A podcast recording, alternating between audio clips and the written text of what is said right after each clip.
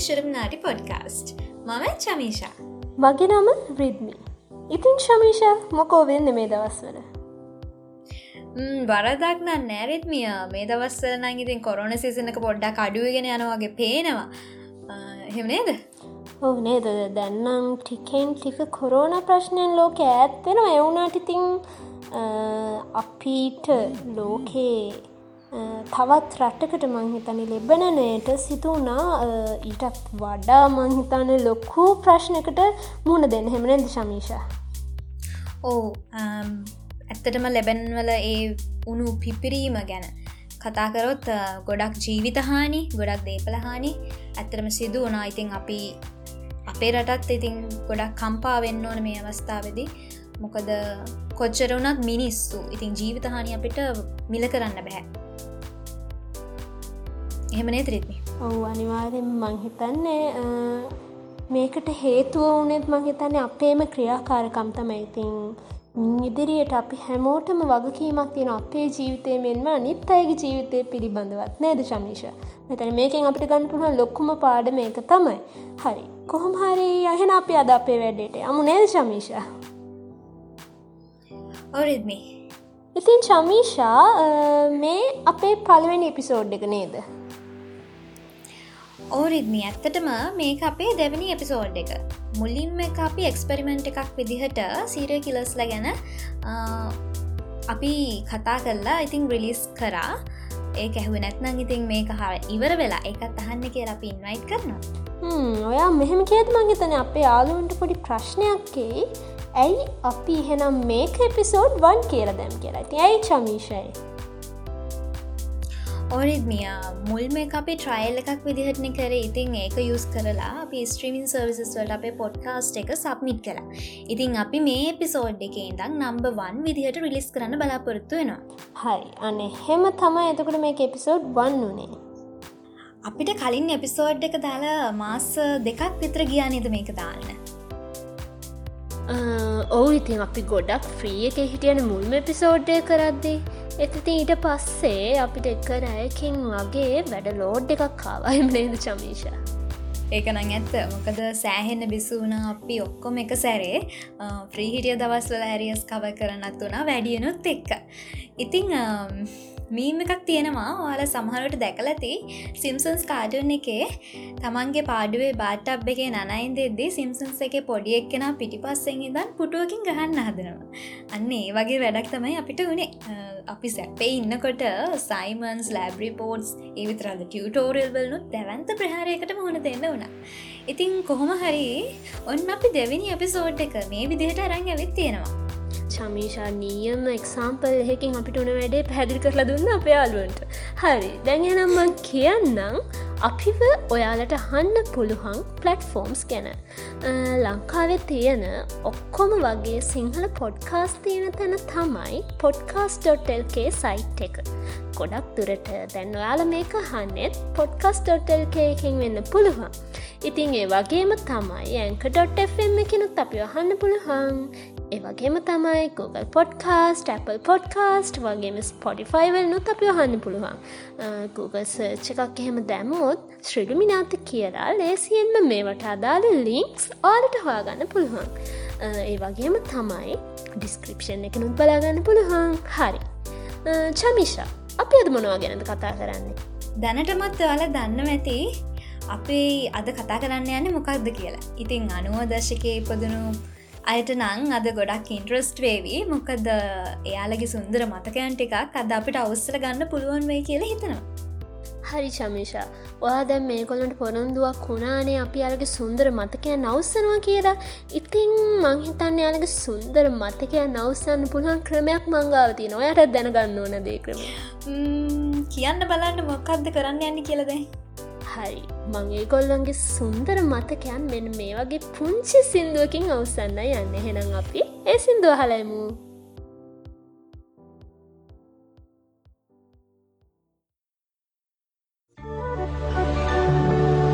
सर्वे जीवित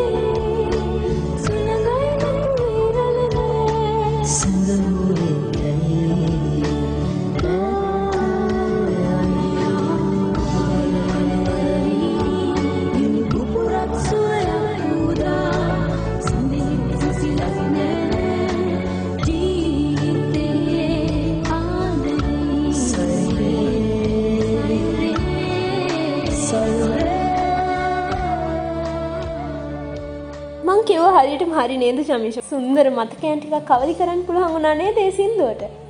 මම නං ගොඩක් කාස සින්දුවක් ඒවගේම ලස්සන කතාමාලාවක්.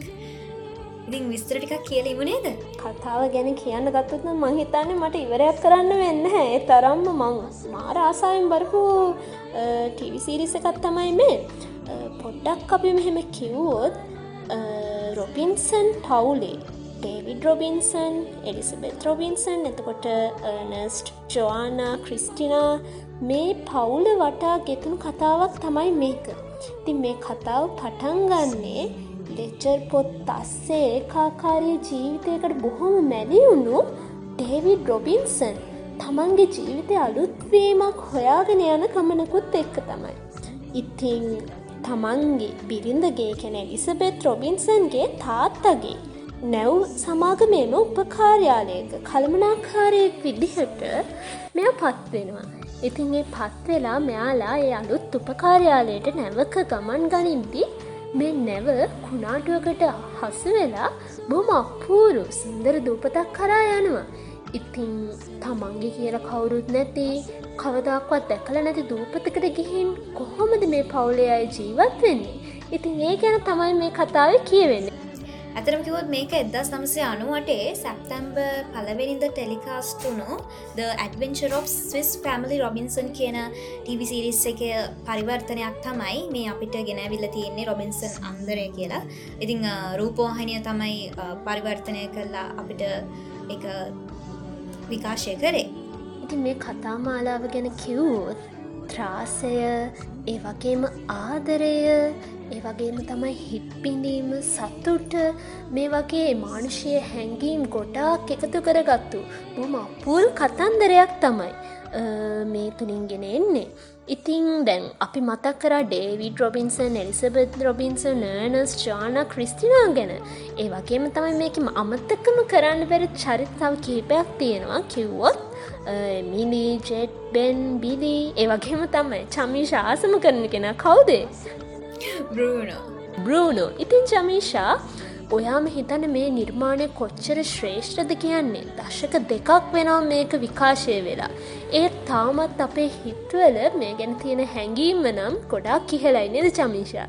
ඕරිද්මි ඒ වගේම තමයි මේකේ තේමාගීතය රූපවාහිනය ගියපු ඒ කතාමාලාවේ තේමාගීතය අපිට ඉදිරිපත් කරන්න ශෂිකා නිසංසලා මහත්මය සහ ලාල් රූප සිංහ මහත්මය.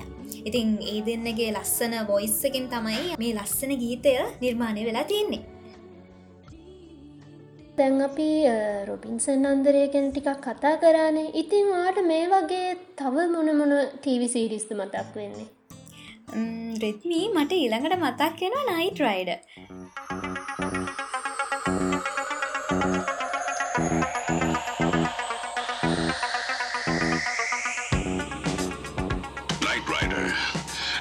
Shadowy flight into the dangerous world of a man who does not exist. ඉතින් ඕට මොනවද මදක්වෙන් නයිට්‍රයිඩ කිව්හා නයිට්‍රයිඩ කියපු ගමන් ඉතින් අපි කාගේ තොළුවට එන්නේ මයිකල් වයි යාගේ සුප කායක කිට් එකයි තමයි නේද Michael Knight, a young loner on a crusade to champion the cause of the innocent, the helpless, the powerless, in a world of criminals who operate above the law. ඉතින් ඉතින් කියන බලන්න කොහොමද මේ මොකක් වගේද මේ ටීවි සිරිස කියලහෙම ඇත්තට මම මයිකල් ගැන කිව්වොත් එයා සාධාරණය වෙනුවෙන් සටන් කරන වෙනුවෙන් කැපවුණු යාගේ ජීවිතෙන්ම කැපවුණු විදිහ චරිතයක් විදිහට තමයි මේක ගෙනෙන්නේ. එතකොට ඉතින් මේ ගොල්ලෝ එකන මයිකල් කික්කායකල් උපයෝගය කරගෙන කොහොමද සමාජ තියෙන අසාධාරණකම්වලට විරුද්ධව නැගී සිටින්න කියන එක තමයි මහිතන මේ නයිට්‍රයිඩ කියන කතා මාලාවෙන් අපිට ගන්න පුළුවන්වෙන් ඉතින් චමීෂා ඔයා බලන්ඩ අපේ යාලුවන්ට කික්කායක ගැන මතක් කරලා දෙන්නකෝ. කිට් කියන්න ඉතිං සුප පවර් ඩේ වගේම ඉන්ටෙලිජන් කාර එකක්. මොකද ඒක ගත්තොත් ඒකට පුළුවන් ඉතිං තනියම දෙන කමාන්ස්වලට වැඩ කරන්න. ඒකට අපි අර මයිකල්ගේ අතේ තිනෝ වොච්ච එක කන්නේ බොච්චකට කතා කරම තමයි එයාට වැඩේ වුනත් කරන්න ඒ කමාන්්ඩ ගයන්නේ ඉතිං ඒ විතරන්න මේ ඉතින් කිට්ට පුළුවන්ගල තියෙනවා පැයට සැතකුම් තුන්සියක වේගෙන් යන්න. මහිතන ගොඩක් ස්පීඩ්ඩේ කියන්නේ. ඒවගේම තම මේක බුලට් පරෝ් ෆය පරෝ් ඒවගම කතා කරන්න පුළුවන්. ඉතිං මයිකල්ට එකක මිෂන් වල ෆයිට්වල්ට ගොඩක් වෙලාවට උදව් කරන්නේ ඔය කිට් කියන කාර්ක ඉතින් එහෙම තමයි. මහිතන ඒ කාලේ අපේ හැමෝගෙම සිහින කාරය වනේ කිට්කායක තමයි. ඉතිං මේක ප්‍රථමයෙන්ම ටෙලිකාස්ට් උනේ එක්දස් නමසේ අසෝ දෙකේ. බලන්නක ඉතින් කොච්චර කාලයක්ද කියලා. ඉතින් රිත්මි මට මේ තව මතක් යනවා ටීවි සිරිස් කෙන කතා කරද්දේ ඇන් දඟමල්ල අම්බයාලුවෝ ඉතින් අම්බයාලෝ ගැන කියත්තේ මට මතක් වෙන්නේ එක අනුව දශක මුල්බාග කතාවක්. එමනේ දරිත්මි කට්ටු අකුලකහි උන්නු මලක්කුණු නිමල්ගේ රලු අහසේ බැබලුණු තරුවක් වුණු සුනිල්ගේ. තියෙන බොහොම අපූරු අම්බ යාලුකමක් ගැන කියවෙන සුන්දර කතා මාලාවක් තමයි මේ. ඉතින් ටීබී දංගරත්නයන්ගේ එක්දස් නමසේ පනස් හතේද ලියවුණු කෘතියකට අනුව එක්දස් නමසේ අස්සු වටේති තමයි මේක පලවෙනියම ටෙලිකාස්ටරන ඔයා කිව්ව වගේ ශමිෂා ඇත්තටම අනුව දශකේ මුල් කාලය අයට නම් මංහිතන්නේ එයාලගේ මුඩු බ්‍රමා කාලය මතම තිබ සුන්දරම මතකයක් තමයි මේ. ඉතින් මේ මට මේ පොඩි සිද්ධියක් මතක් වෙන චමිෂ මේ අම්බ යාලුව ගැන කියද්දී. මොකද මතක් වෙන්නේ? මම මේ අම්බයාලුවෝ කතාමාලාව ආපහු වතාවක් YouTube එකේ නරම්බද්දී ඒක අටින් තිබ කමෙන්සල් මෙන මෙහම කමෙන්ට් වගේ තිබ ම මේක ගොඩක් දෙනාගේ කමෙන්සල් දැක එහිට මට හිතුන මේකත් කියන්න ඕන කියලා. ති ඒගොල්ල කියනවා ඒ කාලේ හැම ගෙදරකම ටීව එකක් තිබිල නෑන චමීෂා එතකොට මේ කතාමාලාවට අපේ අලුව කොච්චර ආසද කියන්නේ? ගම ටීව එකක් තියෙන ගෙදරට හවස් වෙනකට තුවගෙන යනවලු. හරියට වෙලාවට අනිවාරයෙන්ම ගිහි මේ කතාමාලාව බලන්නවන ඕරිත්මි අර ඒ කාලෙදි අර ගෙදරකට එකතු වෙලා නරඹන ඒ හැඟීම. දැන් ඉතින් ගොඩක් දුරස් වෙලාන. මොකොද කාර බහුලත්වය ගෙදරකට විතරයි ළමයි සීම වෙලති නිස්සරහෙම නෙමේ මංහිතන්න ගමේ ඉන්න ළමයිට එකතු වෙල සෙල්ලං කරලා වගේ ටීවි බල්ල හරිම එන්ජෝයි කර. ලයි් එකම මහිතනය හින්දම තමයි මං හිතන්නේ අනුව දශකය අපේ ළමා කාලය දැන්ඉන්න ළමයිට වඩා ටිකක් හරි වැඩිපුර සුන්දරයි කිය අපි කියන්න නෙද බොහොම ආඩම්බරේ. ඉතින් දැම් මේ ළමා කාලෙ කිය කිය හැමතිස්සම කියද්දී මට මතක් වෙන ලොක්කුම දේ මොකක්ද කියල වදන්නාද. කියන්න බලන්න මට මතක් වෙන්නේ කාටුන් ගැන තමයි.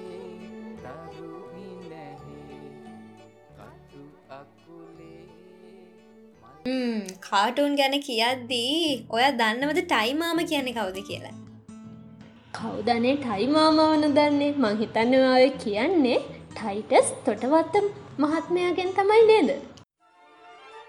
ඔවු රිද්මි ඇතරම මේ කොළඹ ආනන්ද විද්‍යාලයට නං ගොඩක් ආඩම්බර වෙන්න පුළුවන් මොකද ටයිටස් මහත්මයා ඉගෙනගෙන තියෙන්නේ කොළඹ ආනන්ද විද්‍යාලෙන් ඉතින් එහෙම අධ්‍යාපනය ලබලා එතුමා ඔය ළමා වැඩසටහන් ගොඩකට සහයෝගය දීල තියෙනවා එතුමාගේ හැකියාවේ. මංහිතන ලංකාවේ විකාශනය කරනු පළවෙනියෙන්ම සිංහලෙන් හඬකවපු කාටූනය වන දොස්තර හොඳ හිතේකෙත් හඬ කැවීම් අධ්‍යක්ෂණය කරන්න මෙතුම තමයි. ගොඩදිමයි නැව මගේ නිවසට සමයි සියලු සතුන් මගේ තමයි දොස්තර හොඳ හිත මමයි.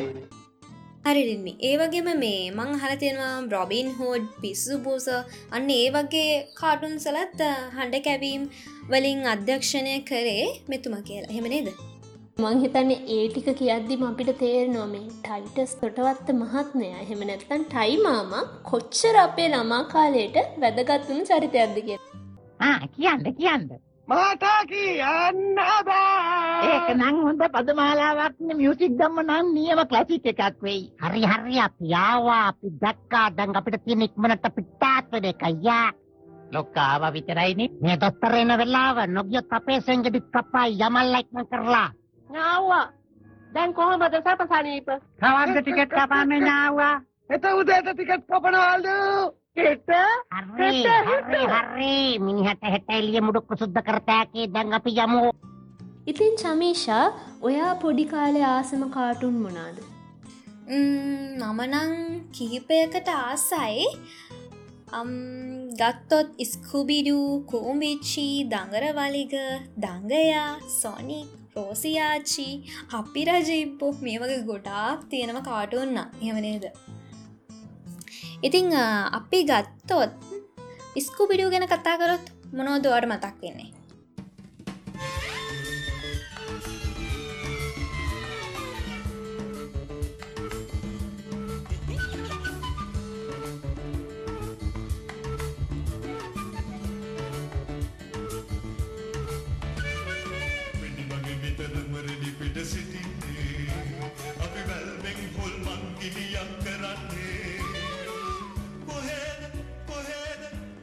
ඇත්තට මිස්කුබිඩුව කියද්දී මං පොඩිකාලේ ආසාාවෙන්ම බලපු කාටුන් එකක් තමයි ස්කුවිඩු ගොඩක්ම ආසාාවෙන් බැලුවේ ස්කුපිඩූලගේ පොඩිකාල සිද්ධි ටික තමයි. වෙල් මැවි දිද්දියන සද්දේ ෆ්‍රෙඩීගේ මල විකාර කතා. මන් දන්නා මේක කරේ කවුද රත්තු ඇස්කෝට් කියයි මේක කරේ පිට සක්වද ජීවින් කියයි. අපි මේක බෙඩිලා ගිහින් හොයම කියයි. ඒ විතරන්න මේක හිටිය ඩැෆ්නි අමතක කරන්න බෑ. එයාගේ ස්ටයිල් එක හරිම ෂෝක් ඇත්තටම. ඔව් ඒ වගේම තමයි. ඉස්කුබිඩු කියද්දි අමතකම කරන්න බැරි ඩබල තමයි. ඉස්කුබිඩු සහ ශැගී කියන්නේ. ස්කුබිඩුයි ශැගේ පොඩි කාලෙදී මේ ස්කුබි විස්කෝතුවකට තමයි හැම දේටම ඉදිරිපතු නැත් නැත්තන් ඒද නැතරම බයයි හොල්මං වලට හෙම ඉස්කුබිඩු බිස්කෝතුවත් දුන්නොත් ඉස්කුබි ඕන දෙකට ලෑස්ති. ඉතින් මං හිතන්නේ මෙයාලගේ කාරය වුණේ හොල්මං අල්ලනෙක වුණාට මේ දෙන්න නම් හොල්මං වලට ගොඩක් බයයි අපි වගේම තමයි. හරි චමීෂා. තව අපි මේ වගේ කාටුන් එකක් ගැන කතා කරොත් දඟයක් කාටුන් එක මතකද. ලියන්න කියන්න පාඩම් කරන්න තිබුණත් වැඩ ඉස්කෝලේ ඔන්න ඇවිල්ලා ආය ඇවිල්ලා සෙල්ලම් කරන්න කාලේ පැංචල පැංචිල බට්ටල බට්ටිල එක්කල දැන් හැම වේලේ දඟයට දුවන්න පනින්න පුළුවනි මේකයි දඟයගේ තාලේ. අල්ලපු නිවසේ ජීවත් වන්නේ විල්සන් මාමයි නැන්දයි. මාමා නිතරම කරදර වින්දේ දඟයගේ දඟ වැඩ හින්දයි. අම්මිට තාත්තට දඟයගේ වැඩ ගැන ඕගෙන් පැමිණිලි කණ්ඩයි. මේ හැම දෙයක්ම අහන්න වෙන්නේ දඟයාගේ දඟ වැඩ හින්දයි. යාළුවෝ එක්කලා දුවලා පැනලා දවසම ඇත දඟලිල්ල. අනියට නිතරම කිරියා ළඟ ඇත ඌ දඟයාගේ සෙවනැල්ල දඟකම් නුවනින් හොඳ දේ කරන්නට පුරුණෝදින් දඟ මල්ල අප නුන් වෙයි මකුල්ලොව දිනනා හැම පුංචි වුණත් මේ ගොල්ල. දඟයෝ! අයියෝ අදත් මොකක් හරි වැරද්දක්ද දන්නේ? ඉතින් දඟයාගෙන් විල්සන් මාමට තිබ්බ කරදර ටික මතකද? පොඩ්ඩවත් එකතු කරගෙන අයියෝ කරපු දඟ වැඩ ඉතින් දඟයයි පොඩ්ඩයි ගැන කතා කරද්දී අමත කරන්න බැරි අනිත් චරිත තමයි මාග්‍රට්. මං හිතන්න මතක ඇති මේ ළඟදි ලොකු කතා භාග්ගිය මාග්‍රටුත් එහෙම කරනම් පොඩ්ඩට අපිට කොහොම වේද කියල නේද චමිෂා? ඕ ඒක නං ඇතරෙත්නේ ඔව් ඉතින් තව අපි කතා කරොත් මං හිතන්න වැදගත්ම කාටුන් එකක් අපිට අමතකුණා මොකක්ද චමීෂයි සූර පප්පද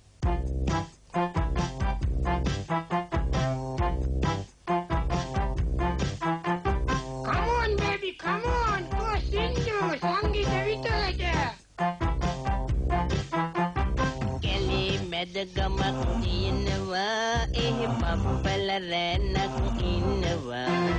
ගමට පප්ප ගම කියනවා. ඒ පප්පල ජොලි වැඩ කරනවා. මොකද බලාගෙන ඉන්නේ කට්ටිය මේක දෙලා මාත් එක්ක කියමු. සූරපප්පා. ඉතින් සූරපප්පගේ වීරක්‍රියයි ජිම් පප්පගේ තිබ්බ බොහොම ෂෝ කපූරු සිංගිති ක්‍රියා කියල ගත්තොත් හරි එතකොට එයා චූටිකුකොට ආදරය කරපු විදිහයි මතකයි නේද? ඕ මටනම් ඔතන තිබිච ලොකුම කන්ෆියස් දේ තම ඔතන තින අරිෂ්ටය අපිට ඔය වගේ අරිෂ්ටය කම්බුණොත් මොනව කරන්න බැරිද නේද? ඒක තමයිනේ වෙද පප්පව හොයාගත්තනම් හරි නේද? ආය මේ ඔක්කෝම කරන්න ඕන්න ඔය අරිෂ්ට ශුට්ටක් බිවනං ඇති. ඉතින් චමීෂා සූරපප්ප ගැන කියද්දී මත්තකද සූරපප්පවයි ජිම් පප්පවයි යහු කරන්න කියලා රැචිනට යවපු කේක් එක. ඕ අනිවාර්යම මතකයි ඒකනම් මොකද තාමත් ඒ කොටස දකිද්දි අපිට හිනාව නවත්ත ගන්න බැරි තරමට මේ ඒ කාලෙ මතක් වෙනවා. හෙවනේද පොතු ගාලා පොතු ටික දානවා මද කාලා හොඳ ඇටි පදමට හැදි ගාලා සුගඳ එන්න දානවා වැනිලා ඈ දානවනෙන්නම් ඒ පරණ යන්තන් හරි ගියා ඔව්. ඉතිං තව අපි ඒ වගේ කතා කරොත් තව එකක් දෙකක් ගැන කියමුකු බලන්න. ඔයාට මතකද ටින්ටින් ඒකන්න ස්නෝවිට නම්මං හරි මාසයි ඒවගේම තමයි තව අපි කතා කරොත් ඉතින් කාටෝන්ස් ගැන නං බලස්මාමයි නැන්දයි බ්‍රූමි ඥානකතාමල්ලිය හයිලෑන්ඩ ෆ්‍රෑන්ක්ලින් ෆ්‍රෙන්න්ස් ඉළඟට තව බබාලන්තේ. ඉතින් ඔන්න ඔය වගේ ගොඩා කාටෝන්ස් තියෙනවා. ඉතින් අපේ පොඩිකාලේ ගියපු කාටුන්ස් ගත්තුන්න එහෙමනේද ඔයා කැමති තව දැන් ඔය ස්නෝවි වගේ තව තාත්තෙකුයි පුතෙකුයි ගැන තියෙන කතාවත් තියෙනමකක්ද කියන්නක බලන්න මම අපේ තාතත් එක්ක ඇවිදගෙන ඇවිදගෙන යන්නකොට මේ ලස්සන නොන කෙනෙක් කම්බුණ නෝන කෙනෙක්? නොන කෙනෙක් කම්බුණ අපේ තාත්තට තියෙන්නේ වෙන්ඩරු වගේ උුණු වෙන්න හදවතක්. ඉතින් තාත්ත කිව්වා නෝනව බලාගෙනමු පෝනියට ඕන එකක් වෙද්දිින් කියලා. මේ කවුද මේ මේගොල්ල රවට්ටල පොඩි වැඩක් කරගන්න ඕනි. මං ආවේ ඔයගොල්ලන්ව බලලා යන්න. මං තෑගිත් දෙනවා.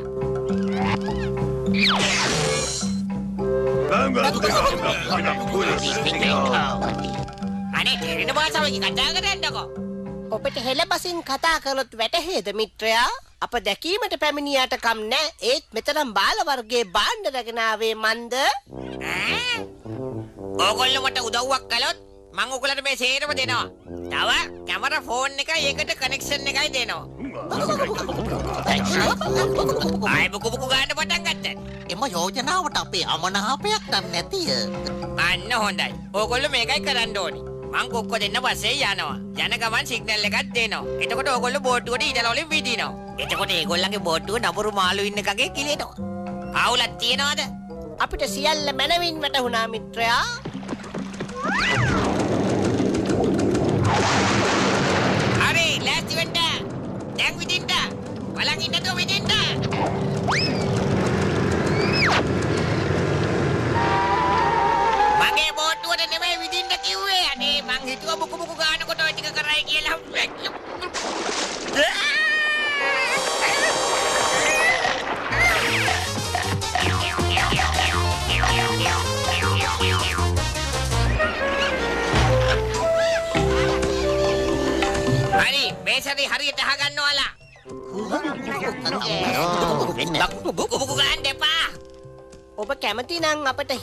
භාෂාවෙන් නුව කතා කළ හැක.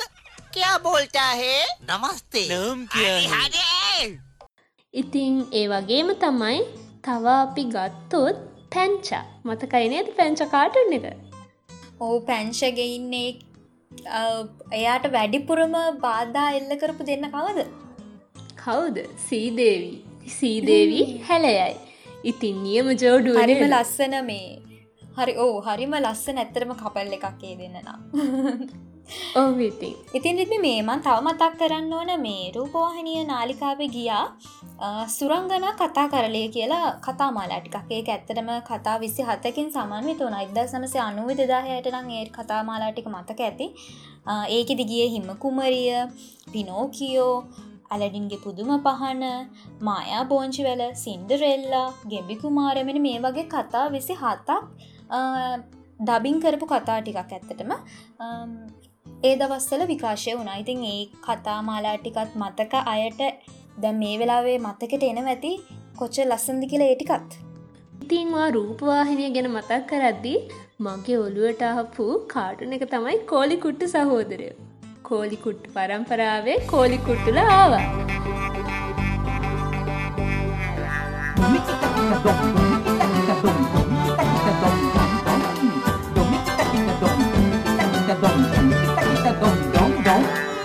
කෙහෙල් මලට ජය වේවා. කෙහෙල් ගෙඩිත් වැජබේවා කෝලි කුට්ටු පරම්පරාවේ කෝලි කුට්ටුලා ආවා. කෙහෙල් මලට ජය වේවා.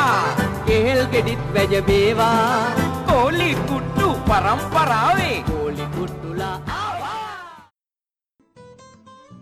අපේ කාලෙ තිබිච්ච කාටූන්ස් ගැන කතාකරොත් ගොඩක් තියෙනවා. මොකද මේ ඒව දැන්ඉන්න පොඩි ළමයින්ට බලන්න හැකියාවනං ළඟදි මංහිතන අවස්ථාව හම්බුණ. මොකද කොරෝන කාලෙදී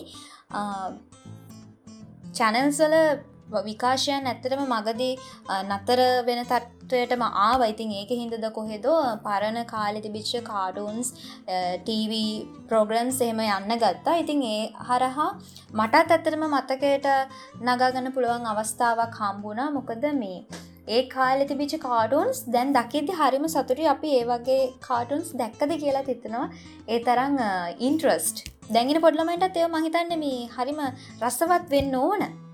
ඕ දැන්ඉන්න පොඩිලම ඒව බැලුව තේකොලුන්ට හිතේ දැන් තියෙන කාටුන් වලට වඩා කොච්චර රසවත් දේවල් දේ කාල කාටුන්නලින් අපි දැක්ක කියලා. ඉතිං අපි ආරාධනා කරනවා ඕගොල්ලොන්ටත් ආය බලන්න මේ දේවල් බලන්න මොනාද මේ දේවල් වල තියෙන රසේ කියලා ආය හොයන්න.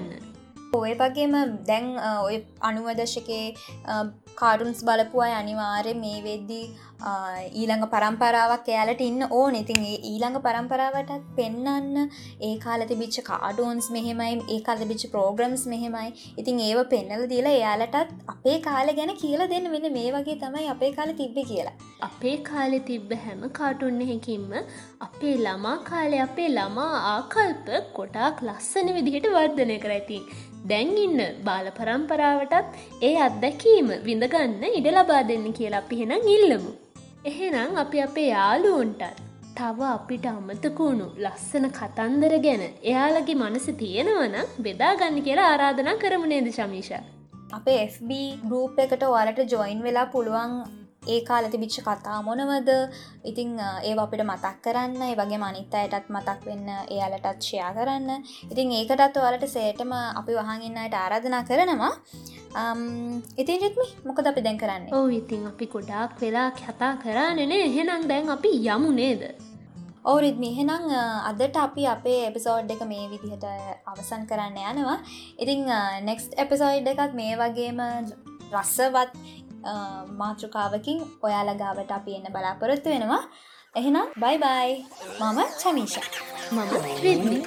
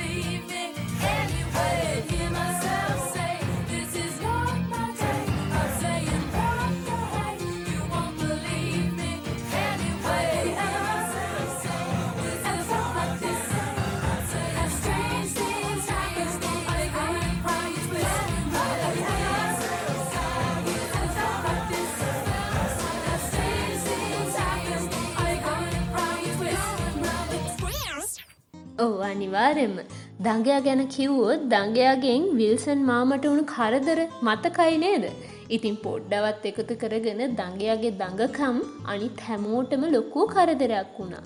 ඉතින් ඒ මං හිතන්නේ හැබැයි මොනදේ කරත් දගේ අන්තිමේදී තමන්ගේ වැරද බොහොම ආදරයෙන් පිළිගන්න අයෝ මලවිකාරයක් කිව්වා.